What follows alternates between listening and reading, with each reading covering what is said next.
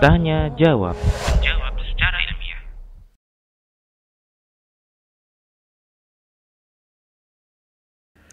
Apabila yang dimaksud efek dusta itu besar, berkaitan dengan hak-hak adami manusia, maka kita wajib mengembalikan apa yang bisa dikembalikan. Misalkan kita berdusta, katakanlah dia beli barang dari kita, harganya seharusnya uh, untuk memudahkan contoh, harganya seharusnya 50 ribu, kita bilang 500 ribu. Padahal harga di pasaran itu 50 ribu. Kita sebutkan 500 ribu.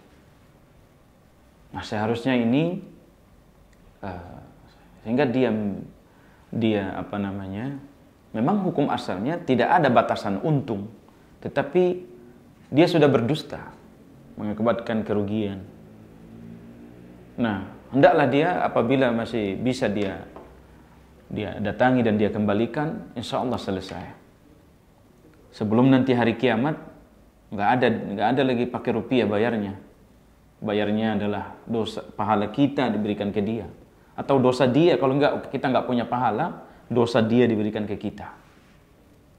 Tapi apabila dia kedustaan ber, ber, berupa mengatai orang mengatakan begini-begini yang tidak ada padanya dan tidak ada kerugian material dan kita perkirakan dia tidak akan memaafkan dan akan mengakibatkan kerusakan yang lebih besar maka hendaklah kita uh, menyebut-nyebut kebaikan dia di tempat yang kita mendusta, membuat dusta atas nama saudara kita itu.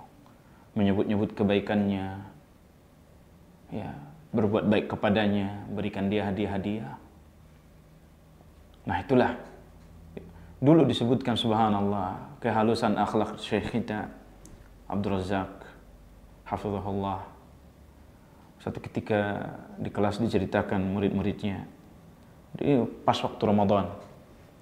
Jadi uh, nama dia itu uh, lupa saya namanya itu.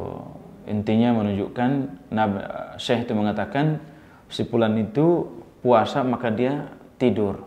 Jadi seolah-olah kayak ada pelesetan nama di situ. Subhanallah.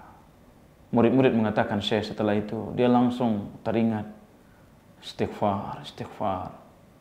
Setelah data sahabat itu datang besok, beliau langsung minta maaf di depan murid-muridnya.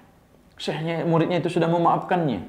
Berulang-ulang supaya kira-kira muridnya sudah memaafkan dirinya. Di kelas yang sama. Kemudian besoknya ternyata dia bawa di kitab yang sangat Masya Allah. Ah, kitab-kitab Syekh dia bawa hadiah ini pengganti daripada ucapanku kepadamu yang kemarin. Subhanallah. Ini yang dilakukan oleh masyayikh syekh kita.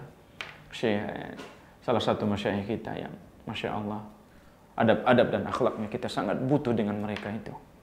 Iya demikian akhi semoga bisa menjadi inspirasi bagi antum dan buat para pemirsa sekalian.